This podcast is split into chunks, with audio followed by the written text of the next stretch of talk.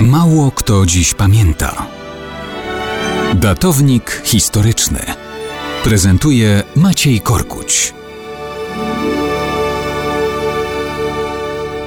Mało kto dziś pamięta, że w roku 1865 wydano w Sankt Petersburgu polski podręcznik pod tytułem Elementarz dla dzieci wiejskich. Dziesięciotysięczny nakład w kolejnych latach był wielokrotnie wznawiany. Niby szlachetne to było działanie ze strony władz rosyjskich.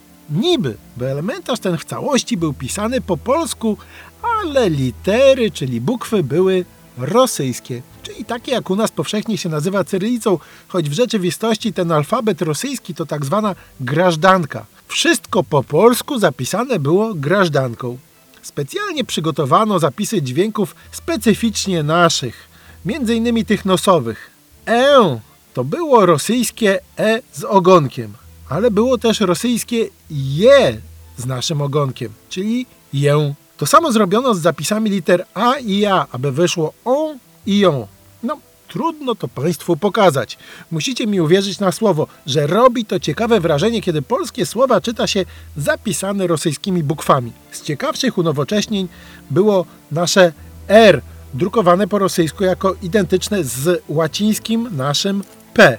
Otóż zapis naszego RZ był zrobiony jako rosyjskie R, czyli to nasze P zapisane, z takim czeskim daszkiem na górze. No i znowu, muszą mi Państwo uwierzyć, a ja muszę zawierzyć Państwa wyobraźni. Po co to wszystko?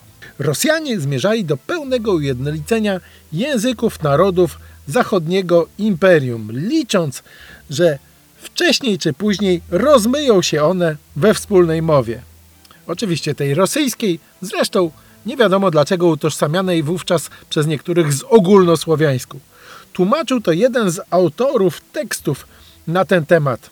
Cytuję. Nie ulega wątpliwości, że na całej przestrzeni ruskiego państwa prędzej lub później zapanuje nad innymi językami język ruski, czyli wielkoruski, czyli ten, który utożsamiali z rosyjskim. Że narzecza jego, jak małoruskie, tak nazywano ukraiński, i białoruskie z biegiem czasu zupełnie wyginął. Język polski, ulegając naturalnym, koniecznym prawom asymilacji, także winien prędzej czy później wymrzeć na przestrzeni ruskiego państwa, podobnie jak to widzimy w prowincjach dawnej Polski przyłączonych do Królestwa Pruskiego. No cóż, na taką argumentację nie tylko Wielkopolanie mocno by się zdziwili, ale jakie tezy, taka argumentacja.